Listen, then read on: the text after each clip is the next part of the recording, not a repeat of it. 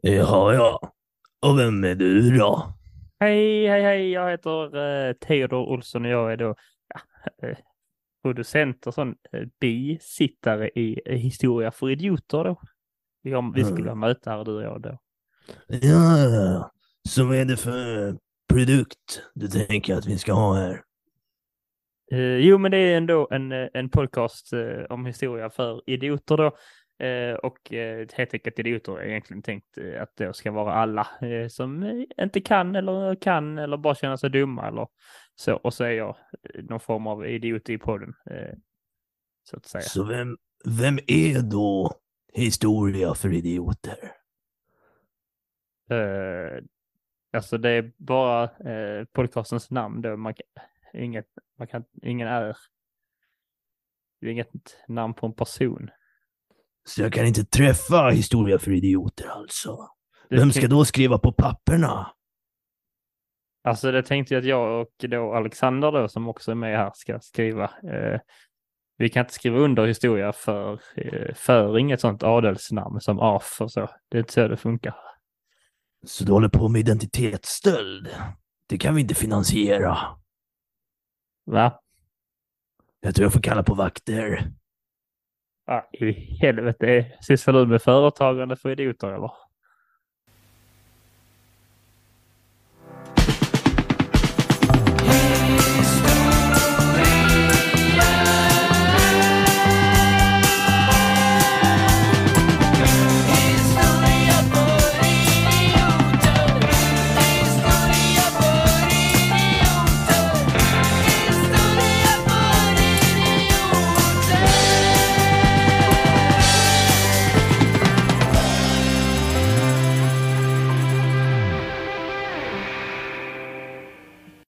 Äntligen tänker ni när ni har satt på era podcastspelare, för ni har länge, länge, länge, en hel veckas tid nu tänkt Wish you were here eh, om oss då. För nu är vi tillbaka.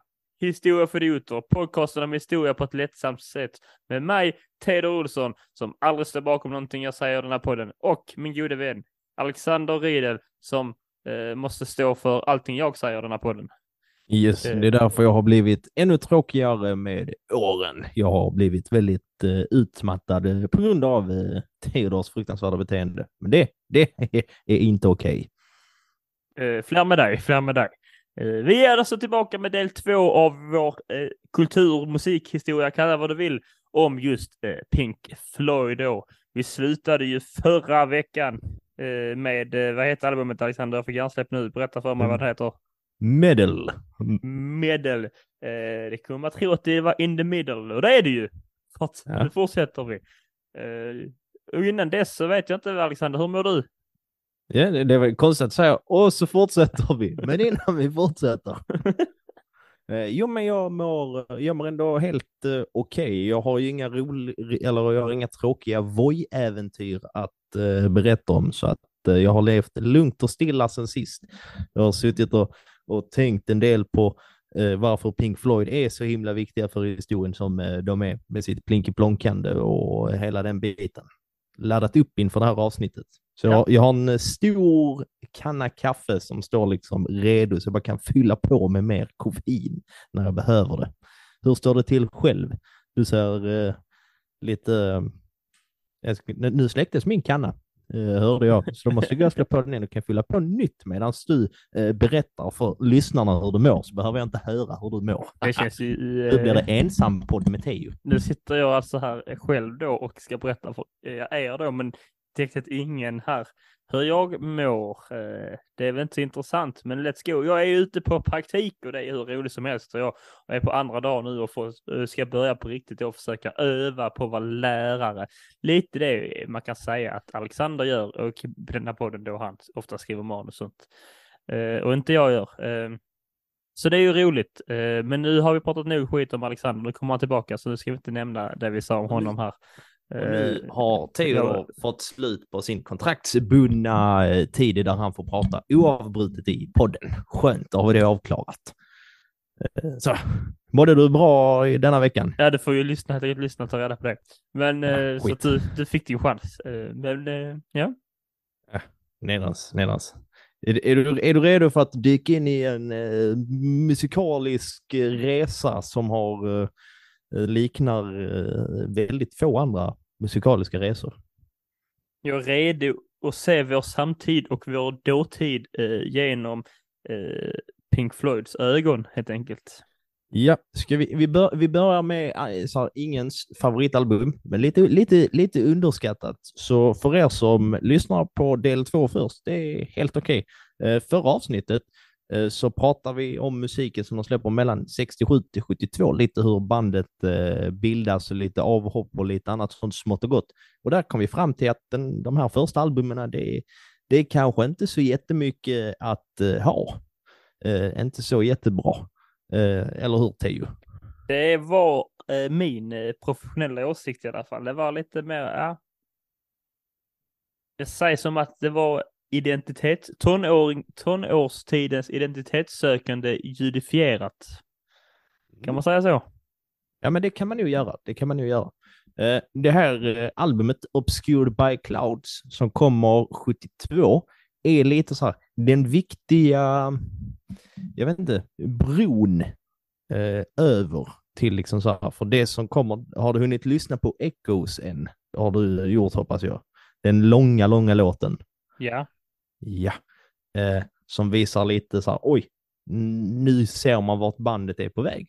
Men de behöver fortfarande finslipa lite på sina skills. Så de får göra ett till soundtrack, eh, soundtrack, det är något helt annat, soundtrack, eh, album till, eh, till en film då men de bråkar lite med regissören så att de, eh, ja, de skrotar lite att det här är idén till liksom så musik eller till filmmusik, utan de eh, fyller på med lite egna låtar som de bäst, bäst själv vill. Vad har du för åsikter och tankar om det här albumet? Vi ska ju inte stanna jättelänge här, vi har ju viktiga Nej, men jag, jag, jag tänkte när jag lyssnade på att det börjar, alltså, jag, jag tänkte adjektivet mjukare av någon anledning. Eh, inte nödvändigtvis mjukt, men mjukare och lite just det här att det börjar eh, hitta någon form av eh, det känns som att eh, det börjar få någon form av, eh, eh, ett pussel börjar byggas, det börjar låta mer, lite mer korrekt. Och så har jag då hjärtat en låt som betyder då att man sparar det i sin Spotify-playlista som heter Childhood's End.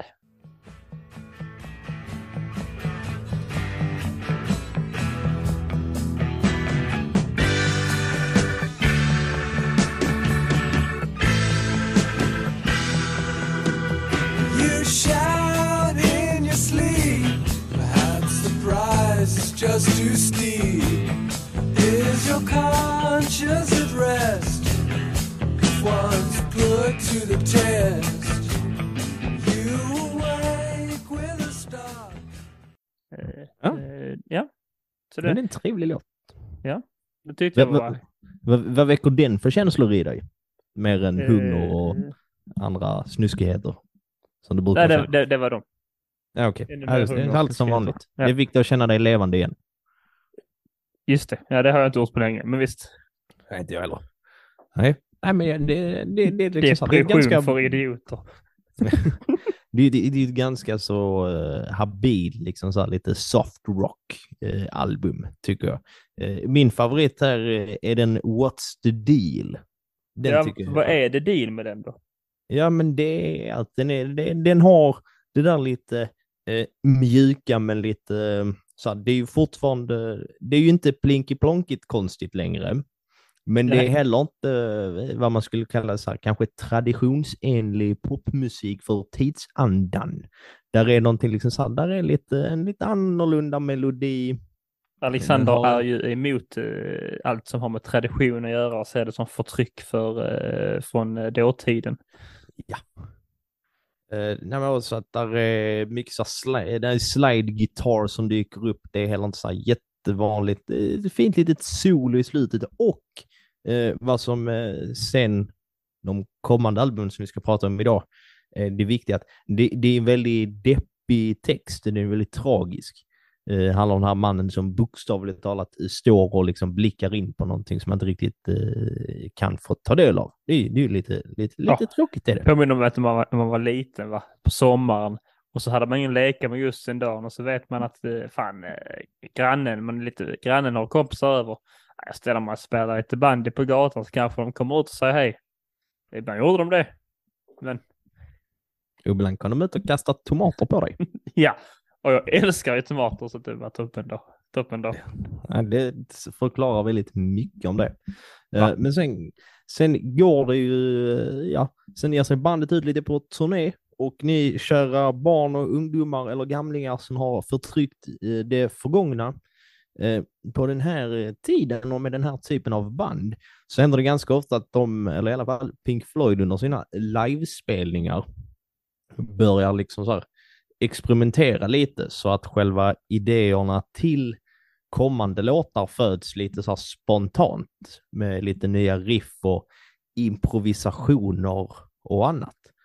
Och i slutet av 1972 då, ge, då ger sig Pink Floyd in i, eh, i studion på Abbey Road om jag inte har helt fel. Denna klassiska studio där man tänker så här, hur mycket klassisk rock'n'roll kan det finnas som har producerats eh, på ett och samma ställe? Fyra stycken. Fyra stycken. Eh, det, det var lite färre än vad det var tänkt. Eh, men de har knäckt koden på hur de ska göra för att liksom ta, ta fram ny musik. Och den, eh, den metoden, den är ju väldigt eh, spännande. Det är att basisten Roger Waters har tagit på sig att han ska skriva de flesta eh, låttexterna, i princip alla låttexter. Och sen så ska han vara lite av en diktator i bandet, eh, vilket är så här, lite fräscht i en tid när, all, när alla ska hålla ihop. Eh, så Lite det fräscht. Det har väl aldrig varit diktaturer. har väl aldrig varit, alltså fräscht. Ja, men det, det får man ändå säga att när det har varit flower power i några år så får man ändå säga att det är fräscht bara nej, vet ni vad? Demokrati är inte för alla. Nej. Eh, Det, då- nej, det är det ju inte. Går då in i studion och börjar liksom experimentera med soundet och precis som på eh, den här medelskivan eh, så experimenterar de sig fram liksom så att alla, ja men allas idéer testas i alla fall och sen slås de ihop och man vågar liksom så här, ja men utmana den vanliga ljudbilden.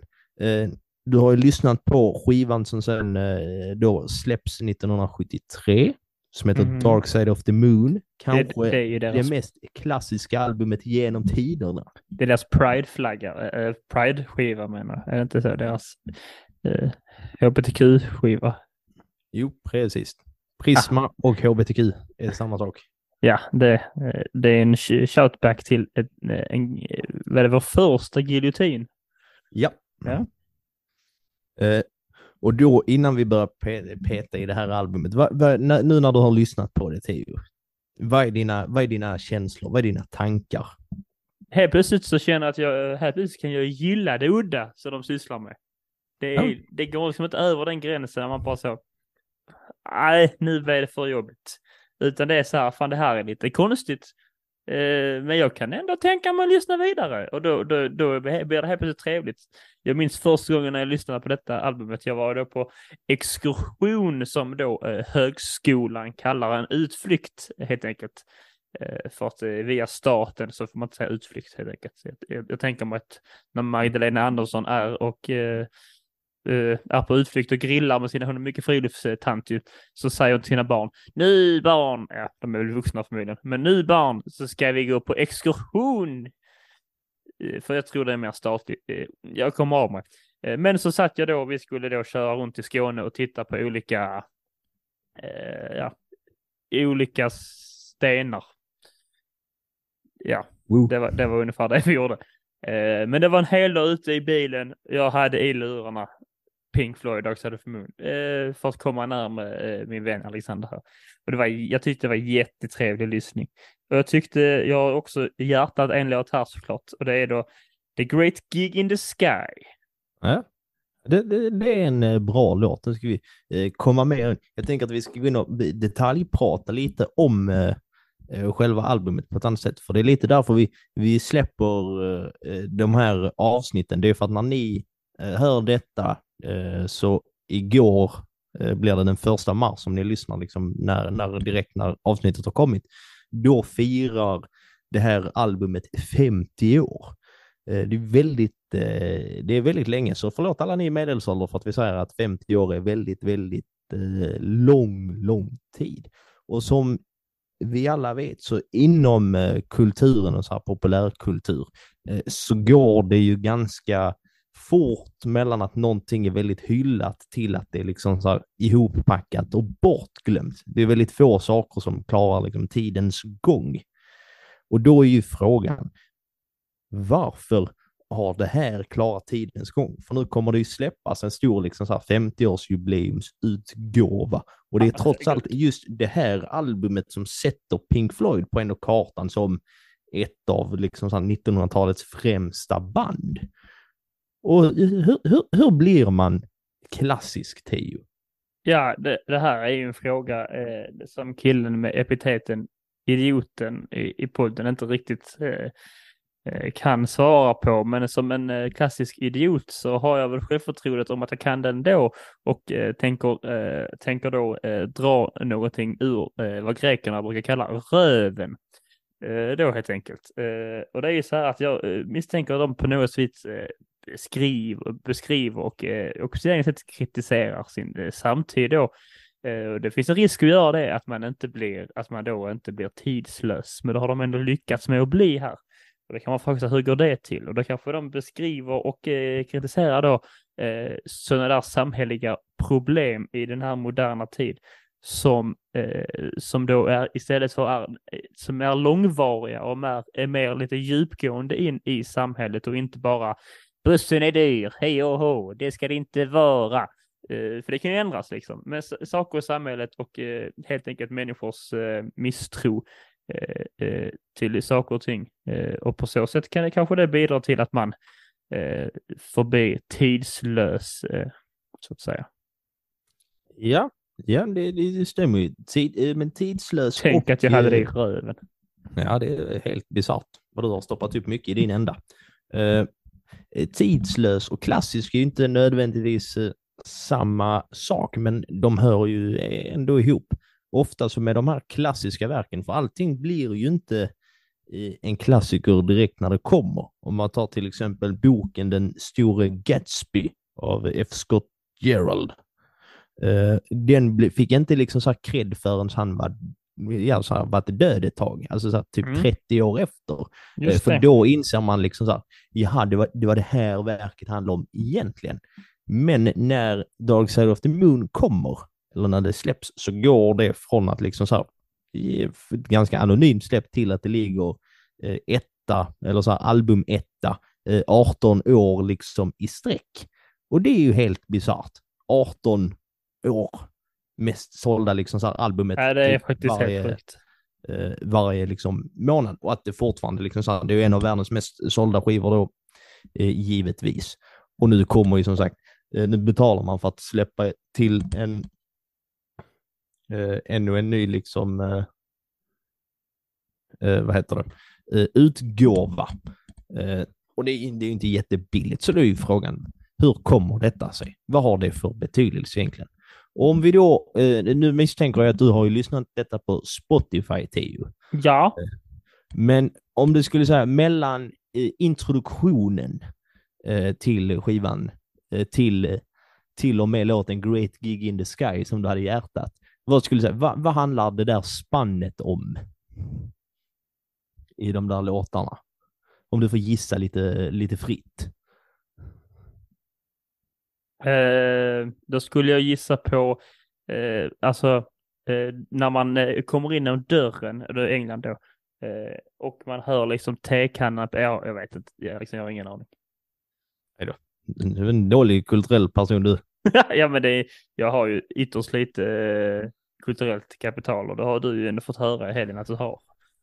Uh, nej, inte att jag har lite. Jag fick höra tvärtom. Ja, att du har, att du har kulturellt kapital. Ja. ja. Uh, för det som albumet handlar om, har, har, du lyssnat på vad de här rösterna i bakgrunden säger? Där är ju personer som uh, Pink Floyd tog då vanlig, så här, vanligt folk som jobbade på den här studion Och så fick de svara på lite frågor om eh, bland annat senast när de var våldsamma, om de är rädda för döden och Mm. lite sånt. Jag Eh. tänkte på det i The Great Gig in the Sky, så pratar de väl om att eh, typ så, jag kan dö när som helst, jag är inte så rädd. Eh, anytime will do, tror jag de säger. Precis. Eh, och det är ju det som av, eh, den sången avslutar ju liksom första eh, sidan på skivan. Mhm. Ja, men, Eh, man förlorar lite i, eh, i Spotify-katalogen, borde nästan kunna dela upp det i A och B ändå på något vänster. Eftersom att eh, mm. det kan ha, ha betydelse här. Det gör ändå någon... Ja, men om vi säger så här för att det ska så här, om sidan slutar med Great Gig in the Sky som handlar liksom om, om död och det första man hör på skivan är liksom hjärtslag. Ja. Vad tror du, vad är resterande biten däremellan? Ja, livet. Exakt. Du har eh, livet som beskrivs runt omkring. Och är det, är, det här, är det en positiv eh, bild som de har av eh, livet här? Vem har egentligen en positiv bild av livet? Nej, det är okej. jag får visa. En, inte du, det vet vi. Det är, väldigt få- som har. Eh, va? Det finns säkert någon som har, men jag känner inte dem. Skriv till oss om du har en positiv bild av livet. Jag har det- en ytterst neutral bild av livet. Har du verkligen det, Theo? Eller ljuger du för oss igen? Jag kan inte sitta här och prata om min bild av livet som- och dra ner alla i skiten som massa... eh, Så vi, vi blir den nya unga Varters lidande här. Ja, ja, ja. Eh, min favoritsång, eh, så kanske alla kategorier, eh, är ju med här, eh, som är liksom så här mellanspelet som heter Time.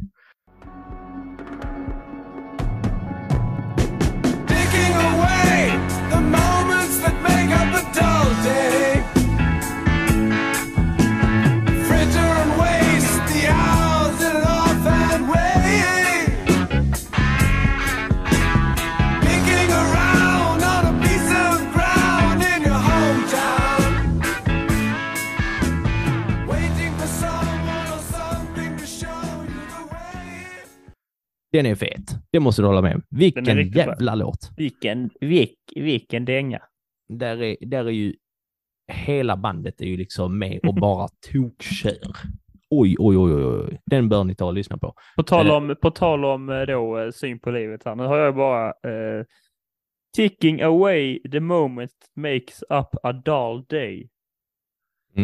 Det, Det är ungefär så jag ser livet, höll jag Ja, eh, jag, skulle, jag skulle komma till eh, texten här som ändå förklarar, för det, det är framförallt idag många som eh, upplever någon form av tidsbrist. Allting måste hända snabbt, ständigt på språng. Mm. Liksom så här, och sällan vet man liksom så här, var man är på väg. Det stannar inte upp. Det är ett allmänmänskligt beteende som alla upplever någon gång. Och även liksom så här att vardagslivet, eh, så här, det, det, har, det har ju också alla hört att vissa som bara lever för helgen och när man är ledig. Men det är väldigt kort tid eh, man är liksom ledig. Eh, Det lät lite väl tragiskt tyckte jag. ja, så, men det är väldigt tragiskt, tragiskt. så är inte ens jag. Eh, Och jag är nästan flintskallig. Eh, ja, men det, har, det är ju din egen inställning till det. De Just det. behöver inte gå hand i hand. Nej. Eh, för de pratar, det nämns redan i första låten det här med liksom så här lite ekorrljuvet, äh, ljuvet, hjulet, eh, där de sjunger And when at last the work is done, don't sit down, it's time to dig another one. Du ska Mm. hela tiden fortsätta jobba, du ska hela tiden liksom, eh, framåt, framåt, framåt. Det finns ingen tid eh, till att eh, röra sig och då på ta eller så här, till att eh, stanna ner. Och då kommer vi sen till Time som knyter ihop den för att de här, eh, det här albumet ska ju lyssnas på liksom i, i helhet. Alla låtarna hör liksom ihop med samma tema. Eh, där man kommer till eh, de här eh, tråkiga eh, raderna. Eh, då får jag tänka att eh, när de skriver det här och spelar in så är de typ 27-28, vilket man säga, det här är ändå en mogen eh, slutsats att dra av livet. Är du beredd nu att spetsa öron på, öronen på din engelska? Och ni också lyssnare. Ni får höra mitt uttal igen.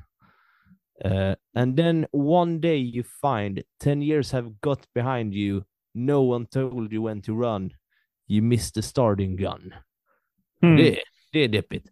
Och så jag tror att det är många Oh. eh, som känner eh, i livet, det är ju där en väldigt allmänmänsklig tanke, att man tänker att när man är ung så har man så mycket tid. Och sen så, ja men jag behöver kanske inte börja med det just nu. Jag kan börja, jag kan börja banta på måndag. Det är lugnt.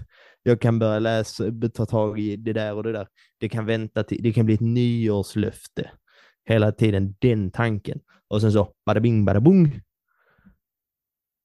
Så har man slösat bort massa tid. Och det är ju lite läskigt. Det är, men det är många som eh, upptäcker ju mycket sånt i säkert tio år senare. Så att när man är eh, 37 istället för 27 som är nu så kommer man på fan det vill jag göra ju. Det vill jag göra. Eh, jag har inbillat mig själv att jag vill lära mig franska. Det har jag fattat att det kommer inte ske. Eh, men jag kommer väl tänka när jag är 37. Ah, ah, där missade jag startpistolen. Tänk om du hade börjat lära dig franska. Jag när började ju när jag var 12. Sen slutade jag. Ja. Ja. Du, du, du pratar inte jättemycket franska. Ja, någon gång om eh, dagen. Någon gång om dagen. Med dig själv. ja. Ehm, och sen eh, det här eh, sidan då liksom så här, slutar till slut med, eller första albumet slutar till slut med döden. Så att de första låtarna handlar om livet generellt, hur det liksom ser ut, hur det, hur det påverkar oss. Liksom så här, vad, hur är det någonstans att, eh, eller vad innebär det att leva på det viset? Eh, och det är ju någonting som alla De kan... avslutar ju faktiskt sista, absolut sista i The Great Gig in the Skies uh, is, så här på är If you can hear this whispering you are dying. De har ju ett fel i sak. Alla är döende. Så det är väl lite, de har väl någon form av, eh, de gör ju någonting som jag ändå har predikat ett tag lite väl för mycket till mina nära och kära. Eh, just eh, eh, tänker på döden. Det är någonting som står mig varmt om hjärtat i alla fall, att tänka på döden. Just det här faktumet att man är eh, ständigt eh, döende. som Så de förmodligen då verkar som eh, är, eh, känner, går, går och tänker på själva, vilket för mig inte är en dep deprimerande tanke. Eh, har inte att göra med att jag vill dö eller något sånt, utan mest att på något sätt eh, alltid tänka på döden, hur att den existerar och att den finns och att man är ständigt döende. Eh, på så sätt så finns det någon form av, eh, om man kan finna sig i det, så finner man sig också lättare att vara i nuet. Men du gör ju allt annat än att finna dig i nuet. typ. Ja, ja, jag är jättedålig på det. Men de gångerna jag har lyckats och de gångerna jag har eh, praktiserat den här övningen mycket. Det var ett tillfälle i mitt liv där jag varje morgon gick upp fem minuters promenad och bara tänkte på döden. Eh, För jag behövde det. Eh, Och så då var jag rätt mycket i nuet. Eh, Men det nuet var ju kortvarigt, så nu är jag, nu, nu, nu mår jag skit igen. Och tänker för lite på döden. Det får man göra. Det, det får man göra hur man vill. Det, ni får tänka hur ni vill, på Vi, vad ni vi vill. kommer att avsluta den här podden med en viskning också. Oj då. Om du kan höra detta är det fel. Jag hörde ingenting. Eh, men andra sidan av den här, eh, det här albumet, det är ju snarare fyllt med vad som finns i livet, vad som präglar oss på en daglig basis. Och vad är det eh, största, läskigaste och värsta som finns? Money! Money! De är ju inte väldigt subtila här med sina texter. Det är de ju inte. Men där är Eh, ju, eh, där är ju lite, börjar, den börjar ju med lite sådana, eh, det är en kassa va? Som gör ljudet i början. Ja, och så ljud av papper som rivs och, Ja, ja. just det. Ja. och bom, bom, badum, bom, bom, Så, bom. sånt som folk eh, blir kända för på TikTok idag. Oh, Ja. Detta är ett ljud. Och sen förutom då att de, eh, de gör, slår, på en, slår på en, sitt knä. Det kan bli musik och sen är det som bara gör de det på datorn. Dessa här, detta är ju en riktig sån. Detta är ju inte på data. Nej, det, det är en riktig sån. Eh, han gjorde de här ljuden i eh, sin, Yes. uh, Roddy Waters gjorde sin, de, när han köpte, hade någon gammal kassaapparat i sin typ hemmastudio. Så han spelade liksom in det och, Den Eh, de- giriga jävlen. ja, riktigt girig att gubbe. in. Eh, så att det inleder ju liksom så här första och då är ju jag tror de till och med sjunger liksom så här att pengar är liksom så här roten till all eh, ondska.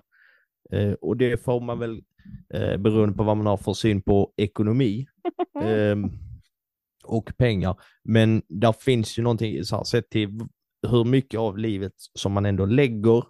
Och då får man tänka att detta är 50 år sedan och att man redan där någonstans börjar vara liksom så här, oj då, var, var är vi på väg? Liksom så det, det är ju pengarna som styr liksom allt och det där är ju en sak som har eh, skenat eh, iväg ganska rejält. Det känns som att en, nu är ju allting nästan en kost, kostnadsfråga där tid bokstavligen är eh, pengar också. Allting ska monetariseras. Det, det är väl så här att de här eh, eh, eh de här eh, olika företagen som sägs sociala medier och Netflix och annat. De tävlar ju om då, de tävlar ju helt enkelt om vår tid och kapitaliseras av vår tid och eh, vill eh, då, eh, det, det enda de vill är att ta så mycket tid från oss som möjligt. Det finns, fanns ju dokumentär på SVT för inte alls så länge sedan, kanske inte SVT, men någonstans, nej, någonstans, som handlade just om, om sociala mediernas hemlighet. Att de, är man inte inne på en social medie längre så kommer de pusha, aktivt pusha notiser för du måste in där. Du måste in där för de vill ju i princip kolonialisera eh, ja, men din lediga tid eh, helt enkelt. Eh, och det är väl, ja, Ja. Det, var- det, var, det var min eh, rant. Det var din rant. Ja, men Eh. det stämmer. Eh, Det, det kan också föra oss in till det som är liksom så här, eh, den andra delen liksom av, av det här, ehm, eh, eller fortsättningen. Eh, Det är ju hur mycket, eh, om man kollar på låten Us and Them som kommer direkt eh, efter, eh, hur, hur sån handlar ju då om eh, konflikt. Och det, där antyds ju inte riktigt vad det är för typ av konflikt, bara det att människan står eh, står ju alltid mot, eh, man är alltid mot någonting. Eh, där är alltid, det är väldigt sällan det bara är frid och fröjd. Eh, och det spelar ingen roll var du i livet liksom så hamnar så möts, finns det alltid liksom så ett vi och dem perspektiv. Eh, som till exempel de här apputvecklarna som du nämner. Eh, de vill ju eh, tjäna pengar liksom så här, och du vill ju, ja, så här, för egentligen så vill man ju säkert göra någonting annat än att sitta och döskrolla på Reddit hela dagarna. Eh, Men där är en konflikt. Vi har ju liksom så här, nu senast i ett år har ju hela så här, kriget mellan eh, Ryssland och Ukraina liksom pågått. Det påverkar liksom hela världen. Vi, vi kommer ihåg när det bröt ut och alla bojkottade Ross, eh, Ross, Ross. Ross Ja, i vänner. vänner. Han blev så jävla bojkottad. Ja. Eh, Men de När, var på en eh, paus. Eh, allt ryskt skulle liksom bojkottas, vilket senare tur liksom så här, eh, då börjar de strypa med liksom så här el och hela den biten. Så att nu är allting mycket dyrare. Eh, vilket också är liksom så här, det, det är en, en meningslös konflikt, vilket Alltså, eller krig. Alla ja, krig är liksom så här meningslösa till största del. Eh, men det tyder på någonting att, att redan liksom så för eh, 50 år sedan, då får jag tänka att de här är uppvuxna eh, till följderna av liksom andra världskriget när eh, saker väl ändå på sätt och vis kanske började ljusna lite. Nu lever vi i en tid där det börjar liksom så här, kanske bli lite mörkare igen. Det känns ju som att eh, för vår del, om vi ska vara väldigt nutidshistoriska och liksom så spekulativa, om man kollar på vad som har lett fram till de lite större krigen, har det inte bubblat lite mer eller lite mindre i de kittlarna när det har brutit ut tidigare, sett till hur mycket som händer nu på Jo. många ställen samtidigt. Eh, och det är ju jävligt oroväckande. Det får man säga. Eh, att det. Jag, eh, ja, ja. Det, det har bubblat mycket mindre så att säga. Men det fanns ju möjligtvis inte heller samma allianser på den tiden och samma hela väst nästan till alltså på något sätt ser på detta på samma sätt. Eh, Ryssland står ju inte är helt ensamt, har ju sina möjliga eh, vänner i, eh, i Kina. Det får vi återstå ju se. De, eh, de har ju inte hjälpt dem med vapnen, men det kanske sker. Eh, eh han skickar en drönare eller två. Eh, helt enkelt. Ja. Nej, men pre- precis, precis.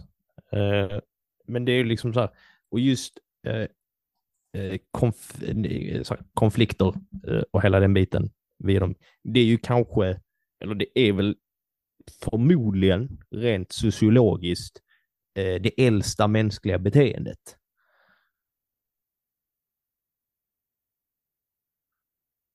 Nu, nu, nu, fick Theo hjärnblödning. Jag trodde, du, jag trodde du hade en paus bara, så väntade på att du skulle säga någonting. Och så, sen- märkte jag att du skulle säga någonting, tänkte jag, så länge jag kan vara tyst innan det blir en konflikt. Ja, nu måste jag åka och döda är ja, jobbigt. det är så man löser det. Ja, men det är det väl eh, på något sätt. De eh, grundar sig väl i olika, olika, olika åsikter, olika världsbilder. Eh, Ukraina-krisen här är ju ytterst grundad på olika världsbilder, på hur man ser på världen. Rysslands agerande går ju att eh, inte rättfärdiga. Det går väl aldrig att rättfärdiga att man dödar oskyldiga människor, men det går att förklara till exempel.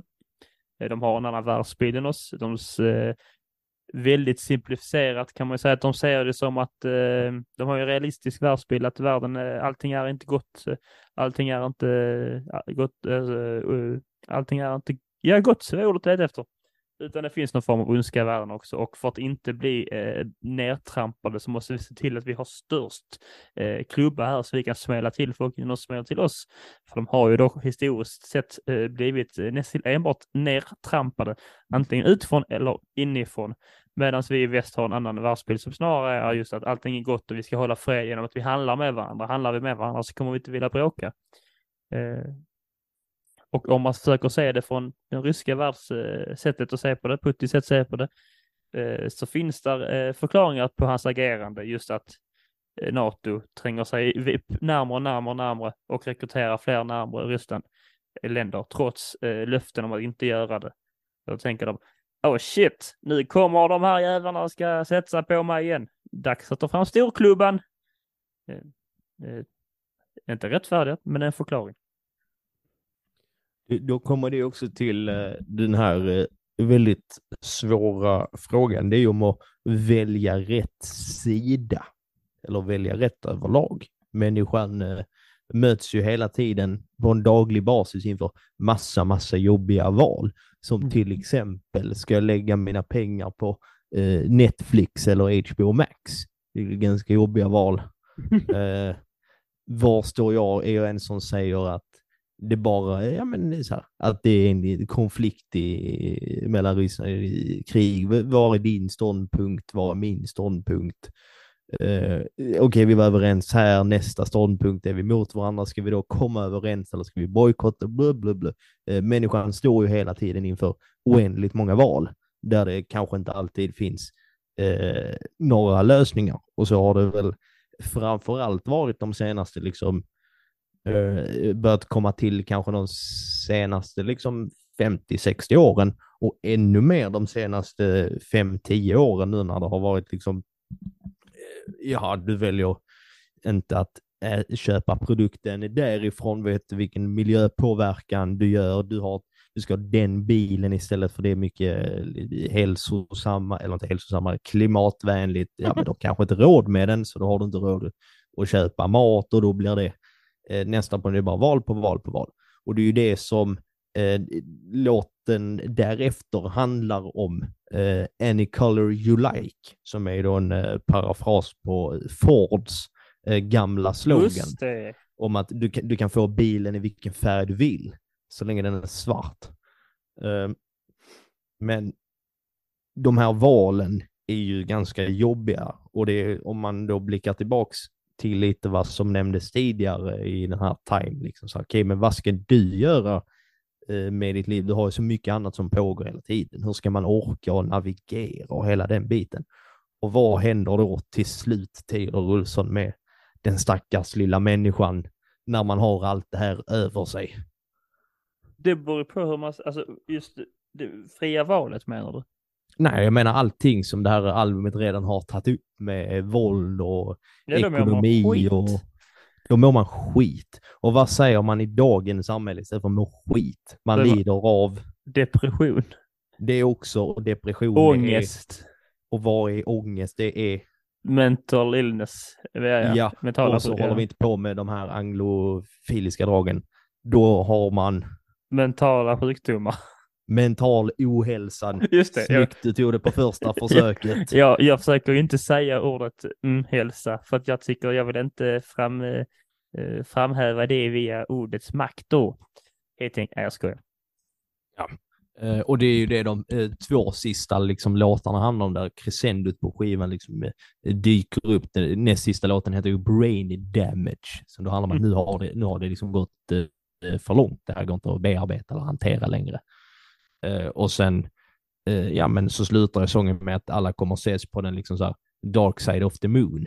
För till slut så kommer, Wow. om man, där då liksom eh, påståendet är att när, liksom så här, när allting är, är någonstans mörkt eh, och då kommer vi alla vara typ så här, om vi har placerat de, ment, så här, de som lider av mental ohälsa liksom längst bak i ledet, de är på månens mörka sida. Vi ser dem aldrig.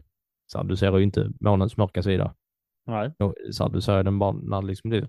Så att de är där, men till slut så kommer vi alla hamna På eh, på liksom den kanten. Och då kollar man på nästa prog, eh, här, eh, prognos. Eh, För om vi kollar på vår generation och neråt, Theo. Vad är det som är så jäkla speciellt med oss jämfört med, dem, jämfört med alla andra? Ja, det måste jag säga att vi, vi, vi, vi är ju faktiskt på den ljusa sidan av månen och mår dåligt och pratar om det. Ja, jag tänkte mer på att eh, alla verkar ha någon form av eh, mental eh, ohälsa som de dras med, som de försöker han, hantera. Det är ju väldigt tidstypiskt för dagens kids. Ja, precis. Det är men, exakt, därför är man ju inte på den mörka sidan av månen längre när man mår så. Eh, Exakt. utan vi, vi är på den ljusa sidan av månen och mår skit allihopa. Eh, jag tror eh, att det är en delvis en eh, konsekvens av ett eh, identitetssökande som inte fanns på samma sätt man, eh, eh, tidigare eh, så blev man eh, i, mer tilldelad identitet än vad man söker nu. Nu faller den rollen enbart på sig själv. Man har eget ansvar att hitta vem du är. Eh, förr i tiden så eh, var man ju målare. Man var sitt yrke och det blev då på något sätt sin identitet. Nu är, eh, nu är, nu jobbar man som målare, men sen är man också, så har man på sig eh, rock'n'roll eh, Led Zeppelin-tröjor för att jag är rockare också och sen är man en, eh, så jagar man och jagar man och jagar man i detta. Och eh, ett exempel då på en identitet man lätt kan ta sig till, eh, och detta säger jag inte för att inte förminska någons känslor, utan eh, man kan få som må dåligt, är till exempel då att ja, men jag är, jag är nu mina känslor. Jag är deprimerad, jag är, eh, och jag, har, jag är, ångestfylld. Eh, och då fastnar man i någonting för att hitta en identitet, till exempel. Istället för att eh, det är bara är en bisats. Jag kan tänka mig att eh, ja, de här mådde också dåligt på sin tid, men ja. Och så är det mer, mer acceptabelt att yttra sig om det dessutom. Nu. Det, det är det. Men det är också till säkert på att, ja, förmodligen hade folk också en ganska hög Eh, grad mental ohälsa förr, men att det inte pratades så. Men att nu är det ju lite så här, det nya eh, svarta liksom, att det är lite poppis. Eh, men det som jag skulle komma till, liksom okej, okay, okej, men vad ser detta? så här, visst, eh, efter eh, 50 år så är det väl kanske liksom så här, ja, vadå då, saker händer inte så mycket liksom på 50 år kanske. Men då gjorde jag som den svensklärare jag är, att när jag känner liksom så här, var ska jag vända mig för att bli ännu mer deprimerad och mörk kulturell eh, till eh, August Strindberg. Och det är ju eh, få personer som har dratt någon koppling mellan Pink Floyd och August Strindberg. Det vill jag ändå... Det får eh, ni bara här. Det får ni bara här. Eh, ni, ni två som är kvar. Hej! Nu ska ni få höra. Eh, för eh, han skrev en pjäs som kom 1902 som heter Ett drömspel. Eh, där Indra, liksom så här, som är dottern till någon form av liksom så här, gud, i det är lite så här, eh, övernaturligt verk, eh, kommer ner och besöker olika människor i, i deras vardagsliv. Och då är det så här, det men det är någon advokat, det är någon liksom så här sotare. Och eh, det som är, eh, som hon säger ganska ofta, det är att vara människa. Eh, det är liksom att, eh, att lida. Och det kommer redan liksom så här, det skriver han i eh, Stockholm i slutet på 1800-talet. Och då har, får man ändå tänka att han har inte sett några liksom eh, världskrig och redan där tas det upp någon form av liksom så här att människan eh, kanske inte är skapt för att liksom så här trivas och det kommer aldrig, eh, det kommer kanske aldrig bli bra eller att det är liksom någon form av ljuspunkt. Om man då hoppar fram från 1902 till 1973 så släpper ett brittiskt band som förmodligen aldrig har talas om Strindberg Eller får vi anta ett album som tar upp liksom så här lite samma, eh, lite samma ämne. Och när vi kollar på det och liksom jämför med vad deras texter handlar om, handlar om då, eller så här, vad tematiken är, och kollar på liksom idag, då, har vi, re- så här, då stämmer det också ganska bra överens. Eh, så kan man säga att det är nästan så här 120 år i alla fall, där den mänskliga upplevelsen från eh, oss två, liksom så här, en, en student och en utbildad skäggig herre eh, som sitter och har en podcast, men där samma ämne fortfarande är väldigt aktuella. Och då kommer ju nästa fråga, Theo.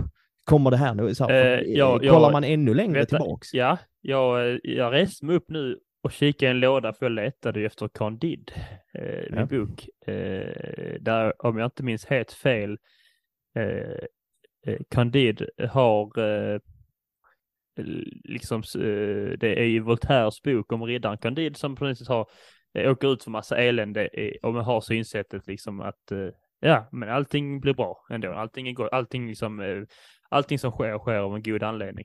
Men stöter de på massa andra människor och massa andra eh, skeenden då eh, som får honom att fortsätta detta här.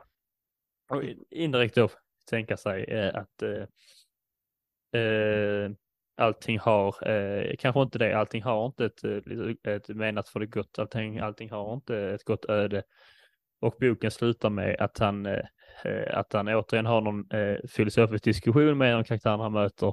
Men de har fått ett, flyttat till ett hus, eh, de odlar så länge mat och han säger, "Ah, ja, vi måste gå och jobba i trädgården.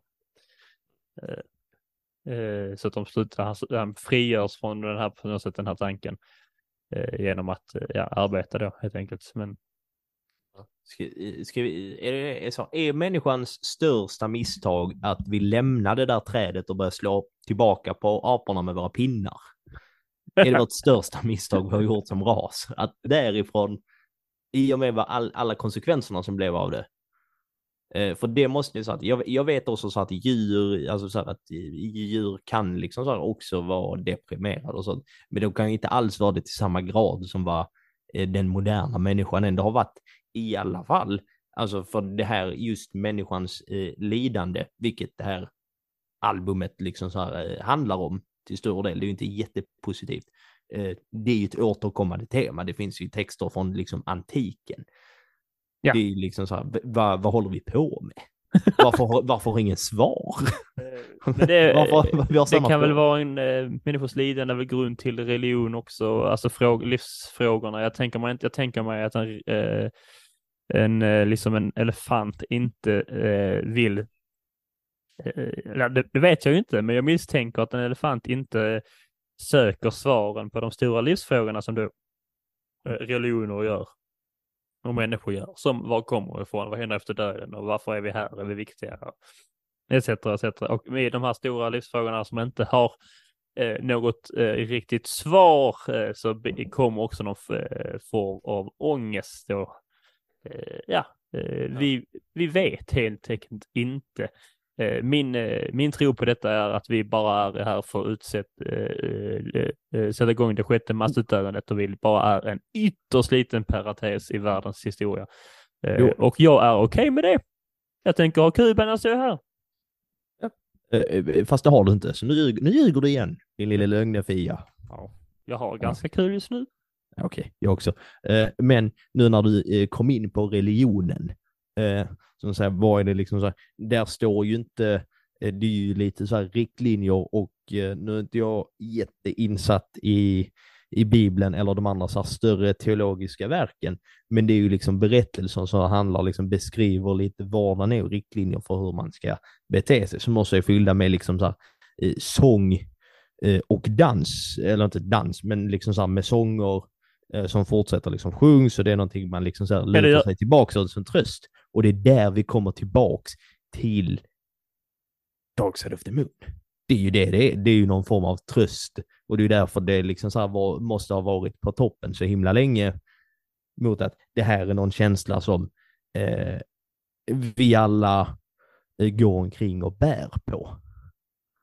Eh, Vill- ja. oavsett om man vill, så att oavsett om man pratar om det eller inte. Och Wow. det, det, det, vi ska gå vidare för vi har eh, några till att liksom så här prata om. Eh, det här är vårt stora, stora kulturella epos. Eh, men Dark Side of the Moon blir en eh, total superhit. Eh, så att från att ha varit ett lite så här obskyrt band som inte så många eh, känner till, så blir de liksom, de blir inte Beatles riktigt storleksmässigt, men de blir fruktansvärt eh, stora. Alltså de går ifrån att spela på kanske lite så klubbar till liksom att spela på enorma liksom arenor och eh, folk känner till dem. De vet liksom så här vad det här är för någonting. Det är som att de har fått liksom så här, som att de efter att ha gjort sex album råkar göra typ, ja men eh, så här, det första liksom så här, nej men detta är vår debutskiva. Egentligen, alltså så här, Ja. de blir liksom en mega-hit. Ehm, så de är då ute liksom och spelar. Och som vi pratade om i första avsnittet, det här är eh, fyra eh, killar vars idé eller tanke med livet inte var att bli liksom stora rockmusiker. Det var lite så hobbyprojekt. Lite som det här du och jag håller på med just nu. Jag tänkte inte Eh. bli någon rockmusiker av detta. Nej, det hade varit en väldigt konstig övergång. Först poddare, sen rockstjärna. Men att man gör det här, man gör det för det är lite roligt. Ja. Eh, de som vill lyssna är jättevälkomna. Eh, men tanken är inte att erövra världen. Men de råkar ju erövra världen. Och vad händer när man gör det? Du får, Hybris. du får lite hybris. Du bör förmodligen ifrågasätta dig själv lite. Vad är nästa steg? Efter så här, står du på toppen av världen, vad gör du efter det? Om du inget, liksom- jag vet ingenting. Man kan, inte, man kan inte bli bättre. Nej, och är du då runt 30-strecket, ska du bara liksom ge upp? Ja, då blir det ångest. Då blir det ångest. Eh, och speciellt, då har du också så här alla pengar i världen. Och framförallt för de här gossarna så har de ett skivbolag som säger skriv och gör ett album nu. Så här, nu måste vi ha liksom så här, folk älskar den här skiten. Ni måste göra mer. Eh, liksom så här, gör det bara. Så det blir en enorm press eh, på att de ska liksom börja göra eh, ett till album. Eh, så de börjar när de är ute på lite så här Dark Side of the Moon Tour. Eh, då gör, börjar de liksom så här skissa lite på nya, nya låtar. Eh, så 1975, jag kan säga vid det här, vid det här laget så bråkar i bandet någonting eh, enormt. 1975 så släpper de eh, albumet Wish You Were Here. So, so you think you could tell heaven from hell, blue skies from pain? Can you tell a green field from a cold steel rail? A smile from a.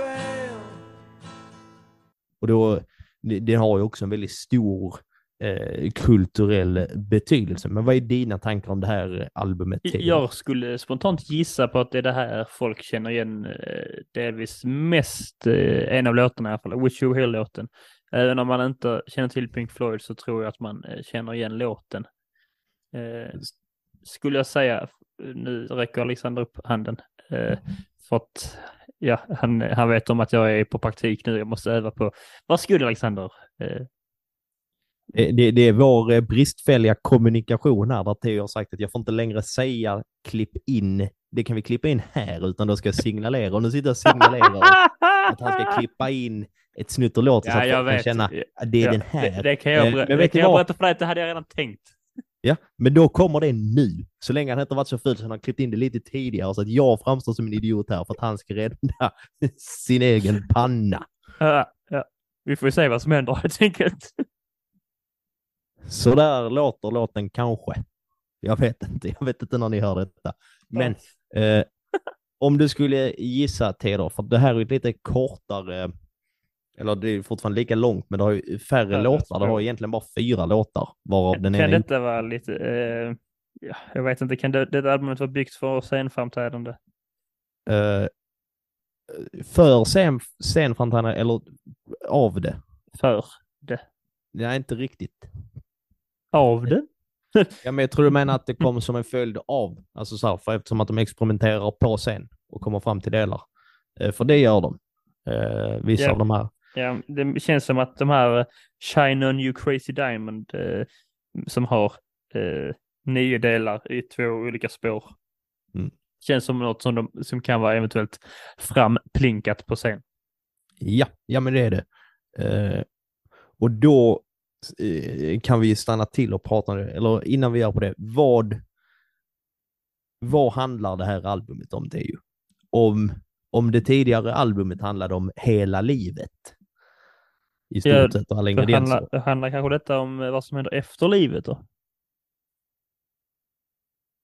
Ja, om, du, om du läser titeln på albumet och tänker lite, så, vad, vad är det här? Ja, döden. Ja, det Önskar kan att ju... de som inte är här är här. Ja, för att man värvar dem, man Saknar dem. Exakt. Det, det handlar om avsaknad av någonting, det är tomhet. Ja, okej. Ja, ja, ja, det kan man ju eh, argumentera om att döden också eh, är en avsaknad. Kan, kan resultera i avsaknad av... Eh, är avsaknad av liv. Ja, det, det kan man leva och ha också. Eh, Ja. Och kommer du då ihåg att efter första, eh, första albumet eh, så fick de ju göra sig av med en medlem. En tidigare barndomskompis. just eh, han har jag så dåligt på brittiska namn på pojkar på 70-talet. Just det är jag jättedålig på det namnet. Scott, eh, Scottie Pippin. Nej, Han är amerikan din rasist. Eh, ja, men han som eh, hade eh, då knarkat eh, sönder sin hjärna, eh, brain damage så att säga. Ja, Syd Barrett. Syd. Det var på S i alla fall. Så att, eh, Ja, jag, trodde, jag trodde nästan att du skulle, att du skulle sätta, sätta det faktiskt. Men uh, tjej fick jag.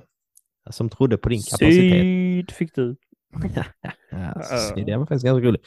Eh, för Shine On Your Crazy Diamond, Teo, eh, Mm. den handlar ju om Syd. Eh, låttexten, Är- den är är- skriven Är till... han, är han the crazy diamond?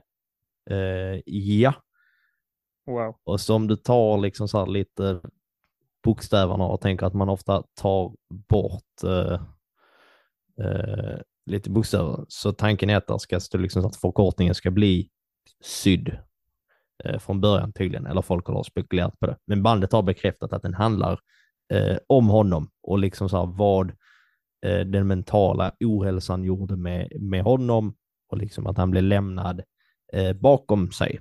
Och sen så är det ju även ett litet, kanske i sätt för dem att minnas på, liksom så att han skulle förmodligen varit med här egentligen. Just det. Eh, Men är han lever eller? Nej?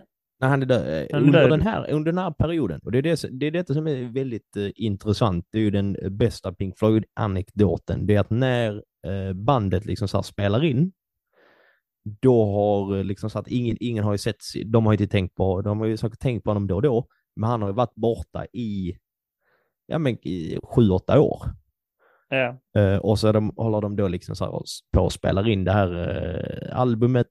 Och så en morgon när de kommer till studion så bara står där liksom en, eh, en skallig, liksom så här ganska tjock man som är helt liksom så lost i blicken i kontroll, eh, kontrollrummet och lyssnar på det här liksom så att eh, banden som de har spelat in eh, till låten.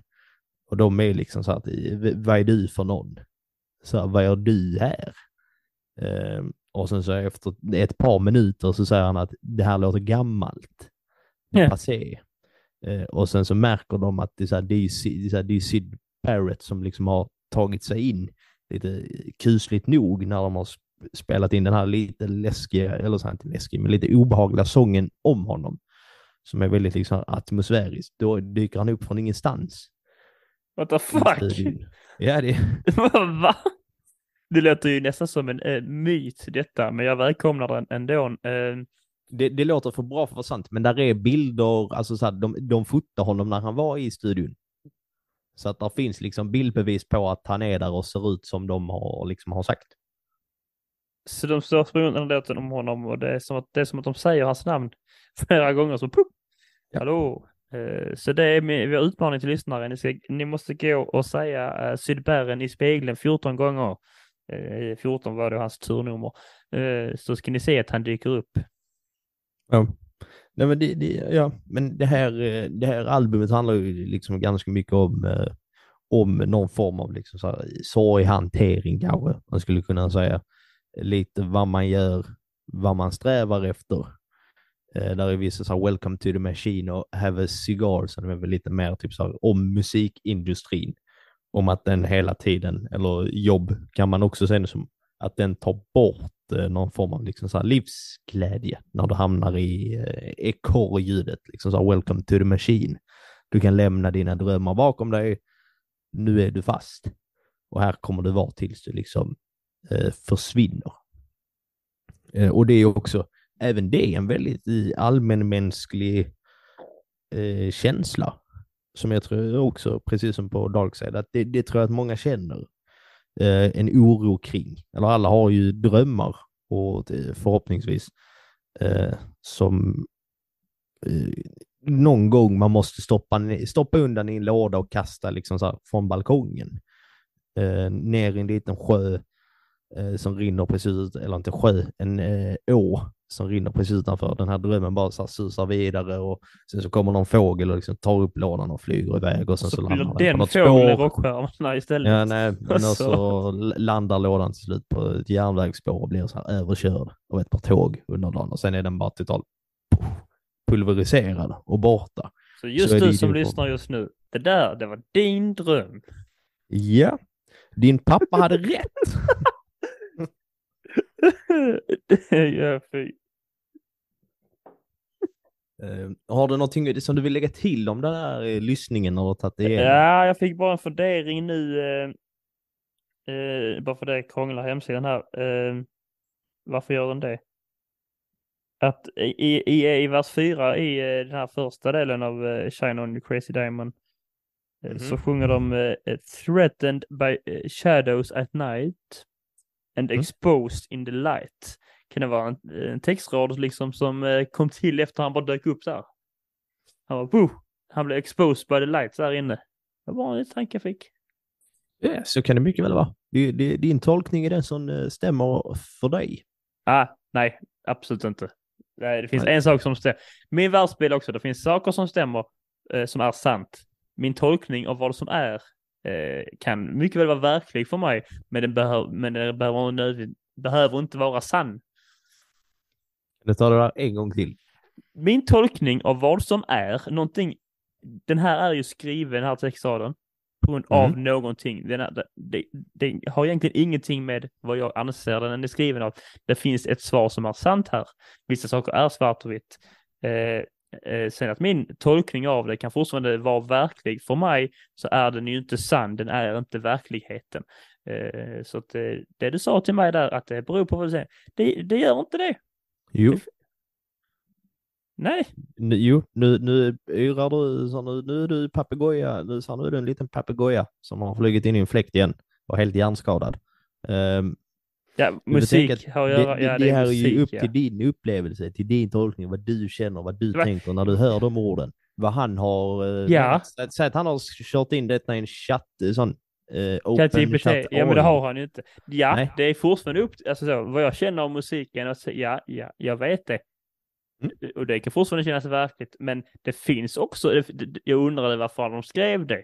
Och antingen är det det som jag sa, vilket förmodligen inte är, men det är en kul sak att tänka på. Det kan vara så, eller så är det inte det. Och jag kan fortfarande känna, ja men jag, jag vill välja att tro på det. Men man tror ju, man tror ju som, på någonting eh, man, som inte är då. Man, vet man att man tror på något man inte vet. Vet man någonting så tror man inte på det. Jo.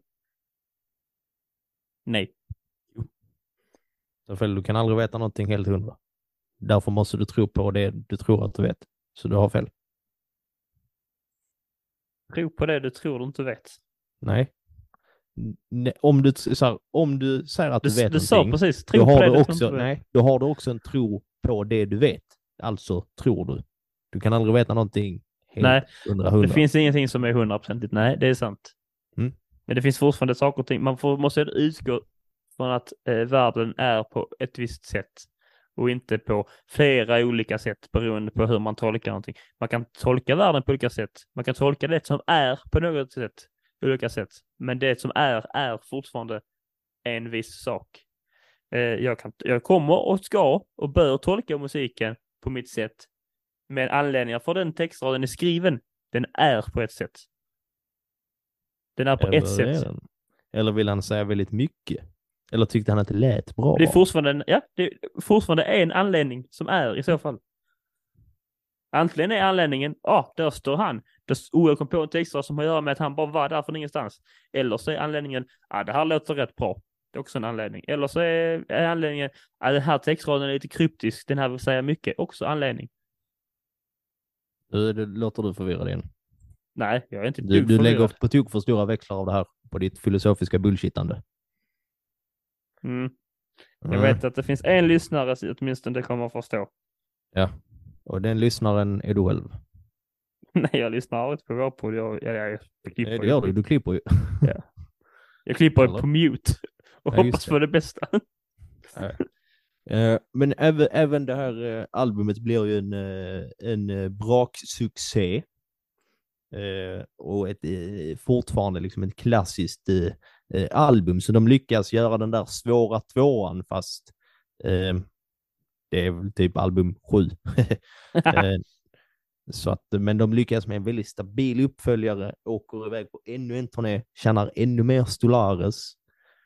Eh, och liksom så här, nu tänker man att så här, ja men nu har de pikat. Eh, men de eh, investerar i en liksom så här egen studio. Eh, där de känner att de ska utvecklas ännu, ännu mer. Ta liksom nästa steg. Och vid den här tiden så är de inte riktigt längre ett band, utan de är Roger Waters som är en diktator och sen skriver, eh, liksom och sen så gör de andra musiken. Så att där är liksom inget riktigt samarbete sinsemellan. Eller så här, de är tre musiker och Roger eh, i stort sett. Eh, Men de lyckas ändå... Roger är ett så mycket bättre namn på engelska. Roger. Mycket, mycket bättre namn på engelska. Ja. Roger. All, all, alla deras namn är ju typ bättre på engelska. Och David. Roger, David, Rickard och Nick. Ja, här, David, David funkar. Richard, David, Nick. David, David funkar tycker jag. Da- David är bättre, men Ja. David är inte så dåligt. Nej, nej. Jag tycker David är ett bra namn. Eh, men de släpper 1977. Det är fan, med tanke på hur slöa alltså så här, musiker ändå är, det är otroligt att de trycker ut tre, eller det kommer ett fjärde också, men på fyra år så trycker de ut tre superklassiska eh, album. Ja. Eh, så till slut kommer då Animals, eh, som är kända för att det är där den flygande grisen är med på eh, omslaget över Battersea Station. we would zigzag away through the bottom and pain, occasionally glancing up through the rain, wondering which of the buggers to blame. eh, Som är så att en Ja, kraft, eh, kraftverk eh, i London. Som när jag var i London i höstas, åkte förbi med tåget och blev väldigt, väldigt glad. Var det satt- grisen tänkte du då? Ja, men då satt jag mitt emot min kompis Åh. William och sa där är grisen! Ah! Ha! Och han sov och turisterna önskade att han hade är andra turist. kompisar. Eh, Turisterna, engelsmännen. Va, ja. vad tycker du om det här albumet Animals? Fortfarande, även det är relevant som vi kommer ju koppla till samtiden och dåtiden och det ena och det andra. Det, jag, jag, tycker det, jag tycker det är bra. Det, återigen fick jag väl känslan här att det är återigen, det, men det, det det här lilla eh, mjukare som ändå inte är mjukt. Eh, det är tight. Tight är det. Det är tajt. Vad, vad tycker du det här eh, albumet handlar om? Det handlar om djur. Ja. Eh, alla låtar har ju då djurtitel då. Eh, jag är lite fundersam. Eh, Pigs, three different ones. Eh, Mm. Först var jag lite fundersam på, är det tre olika grisar eller är det tre olika låtar i en låt? Det kunde, så kan det ju vara, i, som i Pink Floyd-världen liksom.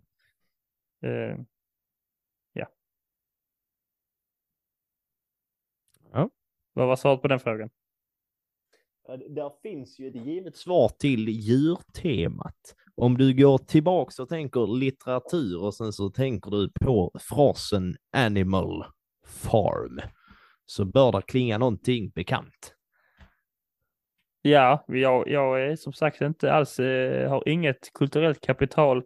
Eh, jag tänkte på djurkyrkogården när du sa, men det stämmer inte. Det är ju Stephen King och det handlar ju om döda eh, djur som eh, inte är så döda helt enkelt. Eh, Nej, precis. Det handlar ju, eh, där hade vi den. Eh, George Orwells Ah, det Djurens gård. Eh, Där då djuren eh, tar över liksom så här från den, där är en väldigt elak eh, bonde eh, som är väldigt taskig vid djuren.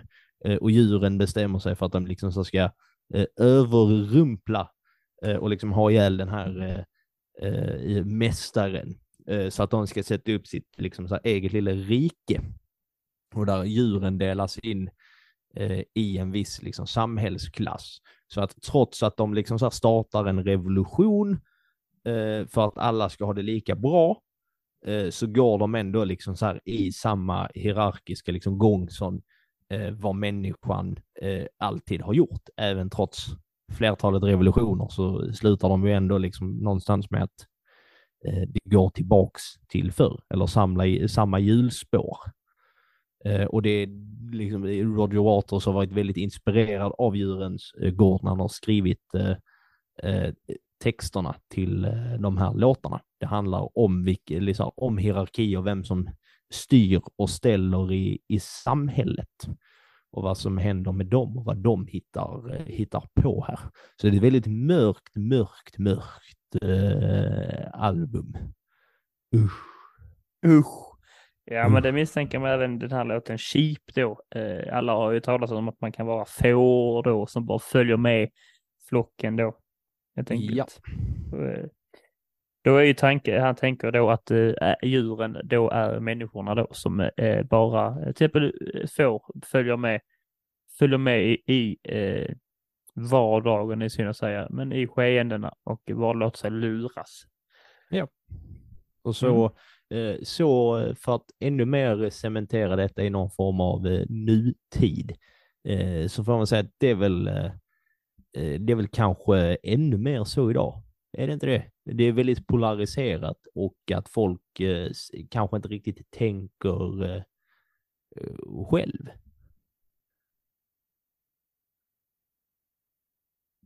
Eh, det beror, ja, vi kan ju prata länge om hur man tänker själv och hur, eh, det var helt enkelt den fria eh, viljan. Men det är som du säger, man är ju mer påverkad nu av yttre faktorer, återigen, tack vare de här jävla telefonerna så att säga. Till exempel då, eh, som också kan eh, då vara en, eh, ett resultat att man mår eh, sämre och kanske jagar identiteter man inte hade fått annars. Eh. Hej Ja. hå. Identitet 2. Hej och hå, flickorna på TV2. Upp, upp, upp, upp, en låt som eh, nästan går att jämföras med Pink Floyd faktiskt. Eh, säger mycket om samhället. Eh. Jävla flickorna på TV2. De ska alltid hålla på och fjompa sig. Originaltexten. Nej, ja. Eh, nej, men det är ju någonstans liksom så att det, eh, det är ju vision som många har som har funnits långt, långt eh, tillbaks i historien om att människan kanske ska, ja men något form av, inte laglöst, men hi, utan hierarkier där alla liksom deltar på lika villkor och har samma förutsättningar och någonstans samma mål och lever liksom i, i enhet med varandra. Eh, men det, det kommer ju förmodligen det kommer ju förmodligen inte lyckas. Eh, och människan kommer förmodligen aldrig sluta önska att det ska lyckas.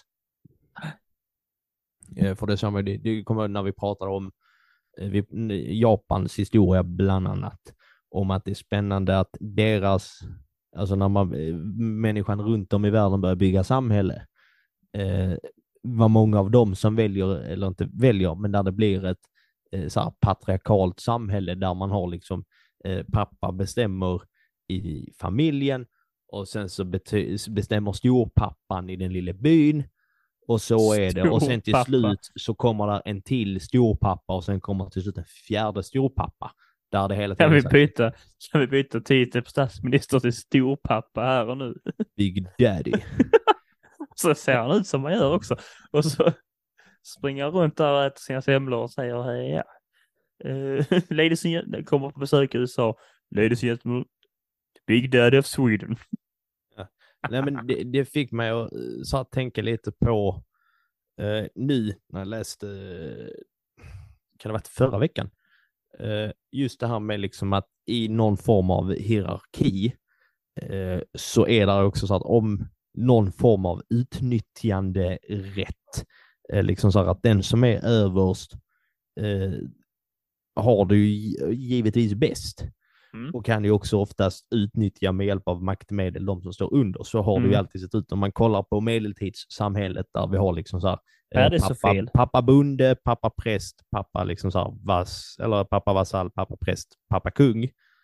Eh, kungen styr över den ena, den ena styr över den tredje. Så liksom skiter det sig för någon så tar man ut det på den som är liksom nedanför. Och för att kunna jobba sig uppåt så måste du liksom, eller behålla din position, så måste man nästan aktivt trycka ner de som är liksom under. Det är ett, eh, så har det ju förmodligen alltid sett ut. Så ser det väl ut, ser inte riktigt ut så just nu. I hela delen av världen. Att vi i alla delar, vi, vi delar världen mycket möjligt. Eh, men till exempel i, i väst ser det inte ut så att man måste trycka ner någon för att eh, eh komma upp i hierarkin så att säga. Hierarkin eh, vi har i landet här då bör ju vara den politiska eliten som högst upp, eh, får man väl då anse det som. Eh, möjligt, eh, om inte kapitalägarna då. Och det är inte så att de aktivt trycker ner någon för att bli kapitalägare, utan det är, de utnyttjar väl bara system då som för att de ska gå i vinst. Så på så sätt skadar då ar, arbetarna då. Eh, Ja, det, det, var, det, var, det var dit jag sa skulle komma, att så som det har sett ut eh, nu, eh, när det visar sig, så här, för att saker blir mycket dyrare för alla, eller framförallt så här, eh, gemene man. Men det har typ ICA-handlare eh, utnyttjat genom att de har höjt priserna mer än vad de faktiskt behöver och går med enormt mycket vinst samtidigt som man då inte liksom så här sänker varorna så att de får, eh, ja men eh, det sticker lite längre uppåt. Eh, liksom så som att man tar, så använder eh, nedanför som en så språngbräda för att ta sig uppåt. Eh, Mm, det, är okej. ju, Mm. det är ju lite så det alltid har sett ut och bevisligen eh, George Orwell skrev det när han nu eh, skrev det i den här eh, Pink Floyd sjunger om det 1977. Systemet kvarstår. Kulturen speglar eh, eller den kulturen om vi utgår från eh, Animals eh, speglar både dåtid, speglar sin samtid, speglar vår nutid. Det är fortfarande ytterst relevant. Wow. Ja. Det är ändå spännande. Nu har vi ändå tre album på raken här eh, som alla liksom tar, tar fasta i det här, som fortfarande finns kvar. Eh, Albumen finns kvar, ja. är, är relevant. Eh, men även det här albumet blir ett supersuccé. Eh, som kommer på grund av att de trycker ner andra, eller att Rory Waters trycker ner sina compadres. Eh, de ger sig ut på ännu en turné. Det var lite stora, stora spelningar eh, under den här tiden. Eh, och man blir kända som ett stonerband. Om att om du lyssnar på den här musiken samtidigt som det hög som ett hus, då blir den mycket, mycket bättre. Så du kan få den redan superbra musiken till att bli superduperbra. Eh, så att spelningarna blir liksom ännu, eh, ja, det blir kaos bland publiken och där är även så någon sekvens där eh, folk bör ha med sig fyrverkerier in på liksom så i inomhushallarna när de ska spela. Och de liksom så här skriker och eh, har sig, vilket, ja, det brukar man ju väl göra på konsert, alltså att man skrik sjunger med. Men det liksom mer med att det bara allmänt kaos. Kaos. Eh, De vilket- väcker uppenbarligen eh, ytterst eh, inneboende och stora känslor i sina lyssnare som inte, som kanske inte är, jag höll på att säga Justin Bieber gör, men de skriker ju också visserligen. Ganska Ja. galet. Eh, Har vi lyckats göra en koppling mellan Pink Floyd och Justin Bieber också? Nej, det, det har vi inte gjort.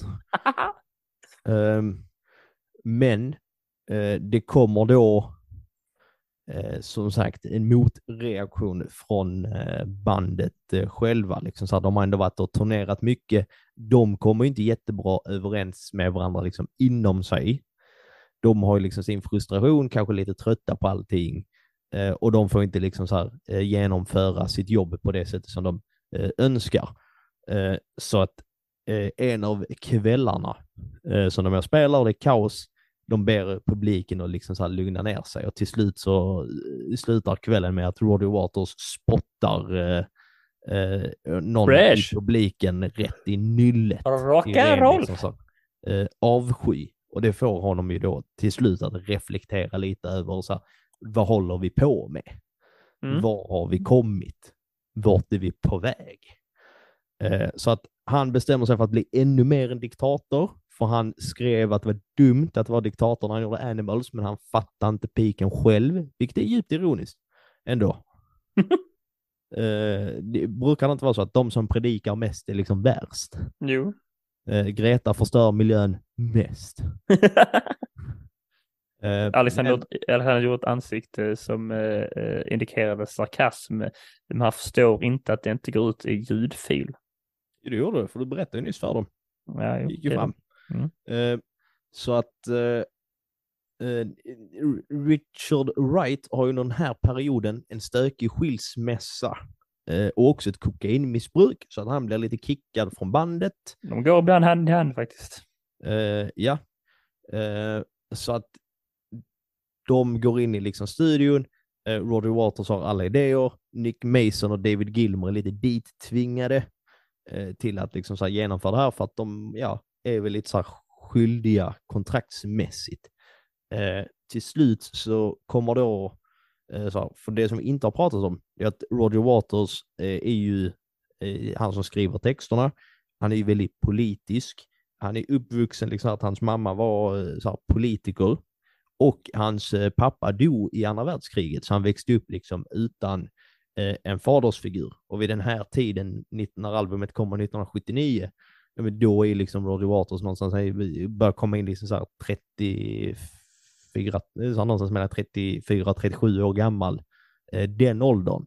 Och blir väl lite så här, reflekterar över vem han är och hela den här spottloske-skandalen. Så han skriver en, en rockopera lite så baserad på eh, hans eget eh, liv och hans egna liksom så här lite politiska syn och, och hur han känner i nuläget. Som då till slut blir det här eh, långa albumet Wall. Eh, och för er som då inte känner till det, är ett konceptalbum. Eh, som sagt, det är ju liksom så en, en opera, eh, eller så här rockopera Det visste inte jag. Det var faktiskt intressant att veta. som då liksom handlar om den fiktiva karaktären liksom Pink, som då är liksom en rockstjärna som eh, spårar ur eh, och eh, ja, men blir liksom så här lite deprimerad och isolerar sig från omvärlden så han bygger en liksom wall runt omkring sig. Eh, så att eh, lyssnar man, har man koll på vad albumet handlar om och lyssnar liksom från början till slut så blir det hyfsat tydligt att det är liksom så här från början eh, är inte, ja, men till slutet ungefär, till när den här riven måste mura, eh, rivas. Eh, och det är väldigt, det är ju så här, det blir bara, albumet börjar väldigt mörkt, det blir bara mörkare. Det är ju så här, ish, eh, tar upp lite eh, hemska beteenden och lite sånt. Den här är kanske inte så, ja men lite, där finns att koppla lite till eh, nutiden. Men innan vi gör det, vad tycker Theodor om The Wall? Här är kanske den låten som flest folk eh, känner igen mig då. Eh, I serien Wish You Were Here. Det är väl då Another Brick in the Wall part 2 va? Som kanske då är den mest eh, eh, eh, kända. Eh, Hej läraren! Ja, sjunger de. Leave Ja. those kids alone. Eh, men nu det här, det, det har alltså att göra med eh, eh, om den här karaktären då Eh, jag har ju tolkat den som att another brick in the wall, liksom som att man eh, till exempel när man pratar om läraren och, och lämna barnen i fred, att, eh, eh, att man, barnen ska bara inte bli en eh, till byggsten i, byggsten i, i, liksom i samhällets fabrik så att säga, utan de ska få vara egna individer typ. Mm. Men eh, är, det, är det det och eh, en, en, en ny sten i Pinks eh, egna vägg då som man bygger in sig? Precis. Det är så de flesta väljer att tolka det, så vitt jag vet. Eh, Eh, och sen har också hjärtat Goodbye Blue Sky. Goodbye, blue sky. Goodbye, blue sky.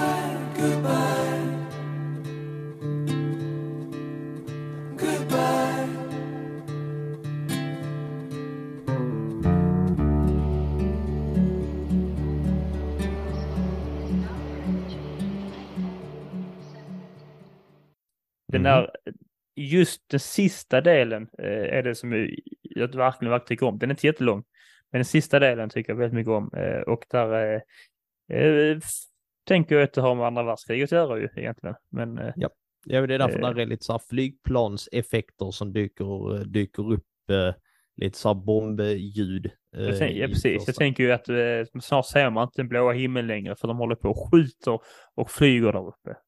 Exakt, exakt. Ehm, så det är ju ett, eh, ett album som väl bearbetar hans barndomstrauma och rädslor inför eh, framtiden och, och livet och hela den biten.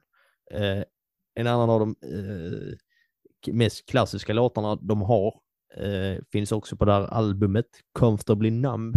Otrolig låt, otrolig låt är det.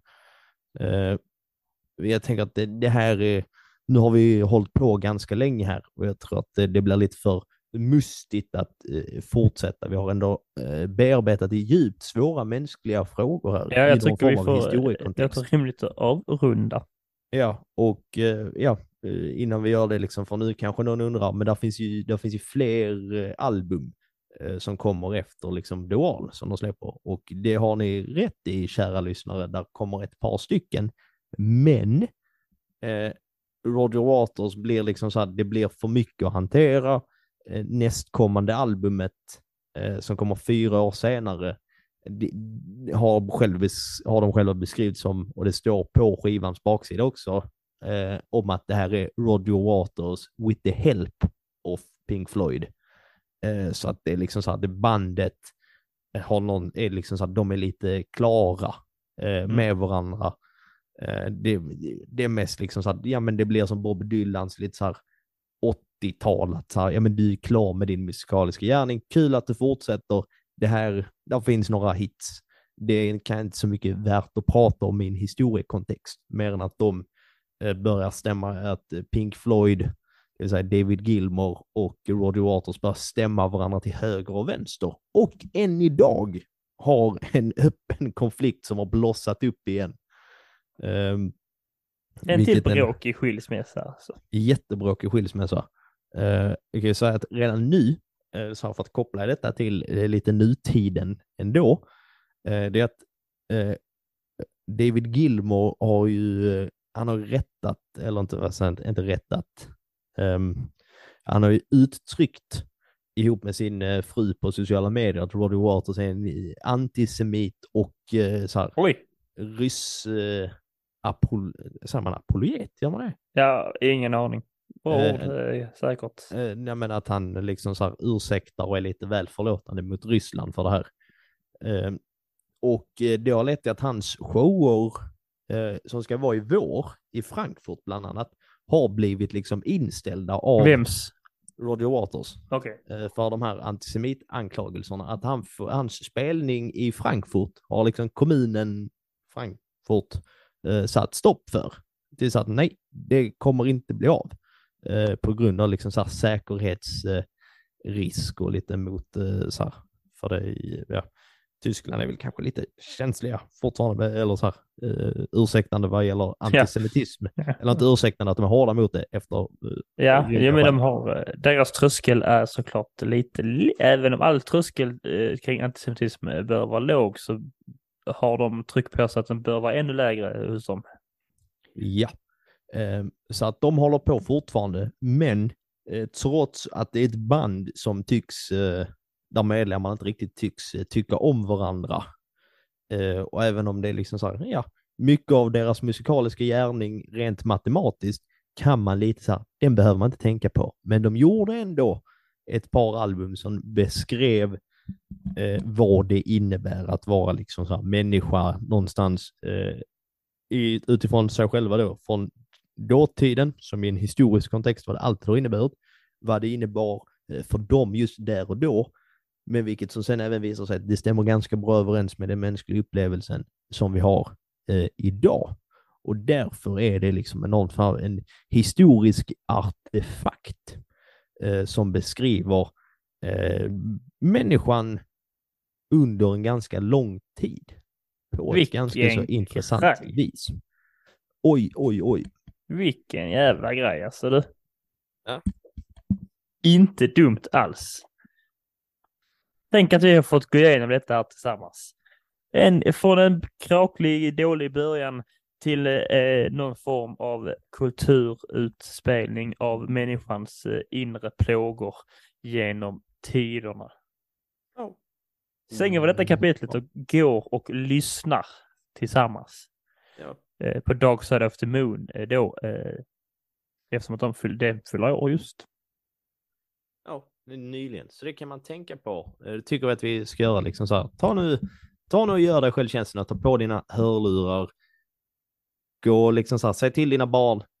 Jag har inte tid med det just nu. Jag ska få en, en riktig mänsklig upplevelse. Du fattar när du blir äldre. Kan man ta på sig och bara lyssna och köra igenom de här eh, skivorna. Så det är hemskt egentligen man säger till sina barn. Jag kan inte umgås med dig för jag ska få en riktig mänsklig upplevelse. Ja. Du ger mig ingenting.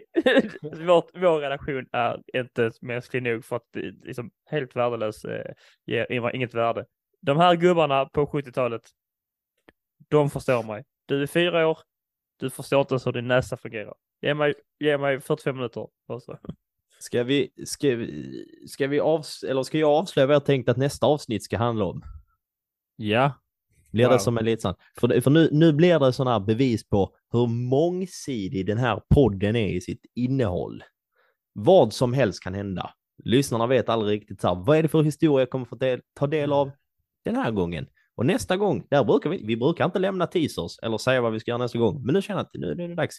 Eh, har du någon gissning Theo? Nej, absolut ingen. Jag vet inte. Eh, eh, glasblåseriets historia. Ja, det, det spar vi till en vacker dag. Eh, vi ska prata om min stör, en av mina största blind spots Blind som jag har i historien. Erik av Pommern. Vad är, vem var han? Vad är han för någonting? Fan Han bara dyker upp. Är det någon, är det någon så alla känner till namnet? Alla, så alla känner till Erik Ja. av Pommern. Men ingen kan säga någonting om honom. Pommern känns som det är fel uttal när du säger det så. Jag kan, det- inte, jag kan inte rätta dig dock. Men det bara känns fel och det har vi kommit fram till nu eh, eh, tydligen att känslan är eh, det korrekta. Ja, exakt. Så det är vad som vi har att vänta nästa gång. Så att vi är tillbaka om eh, två Två veckor, veckor. om ni hör detta när ni när, när, om ni hör detta när det kommer. Annars så, vad, vad gör man annars om man inte vill missa tider? Då går man ner och följer oss. på eh, våra appar då. Spotify kan man följa så man trycker man på följ och så ger man oss betyg, gärna ett bra betyg. Ett dåligt betyg får man också ge, eh, men eh, då är man ju också sämst i sin familj, eh, som sagt. Eh, eller så följer man oss Det är på... det om du eh, bor ensam ändå, haha. Ja, dina katter är bättre än dig bitch. Ja, Och, men vi gillar dig. Eller så följer man på andra poddar och sånt. Och så också följer man oss på Instagram, att historia för idioter, för det är där vi lägger upp eh, när ett avsnitt är ute. Eh, det släpps ju på torsdagar eh, oftast. Är det så att man följer oss slaviskt och man tänker på torsdag morgon. Vad fan, här är ingen podcast.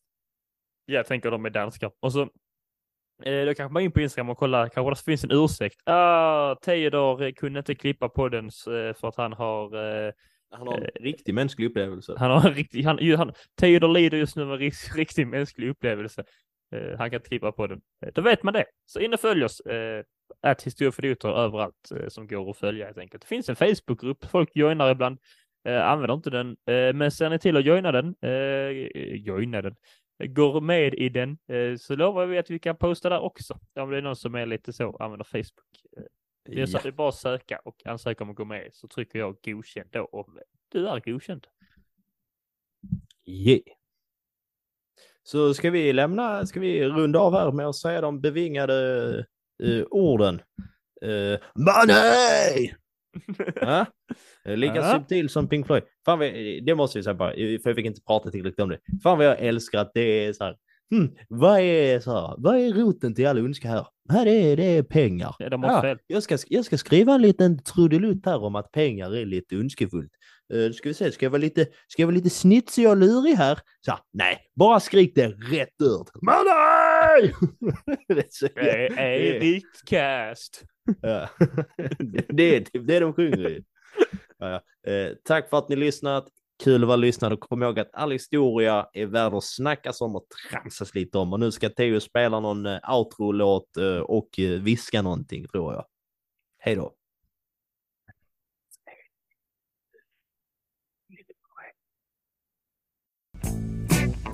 Money, it's a hit. Don't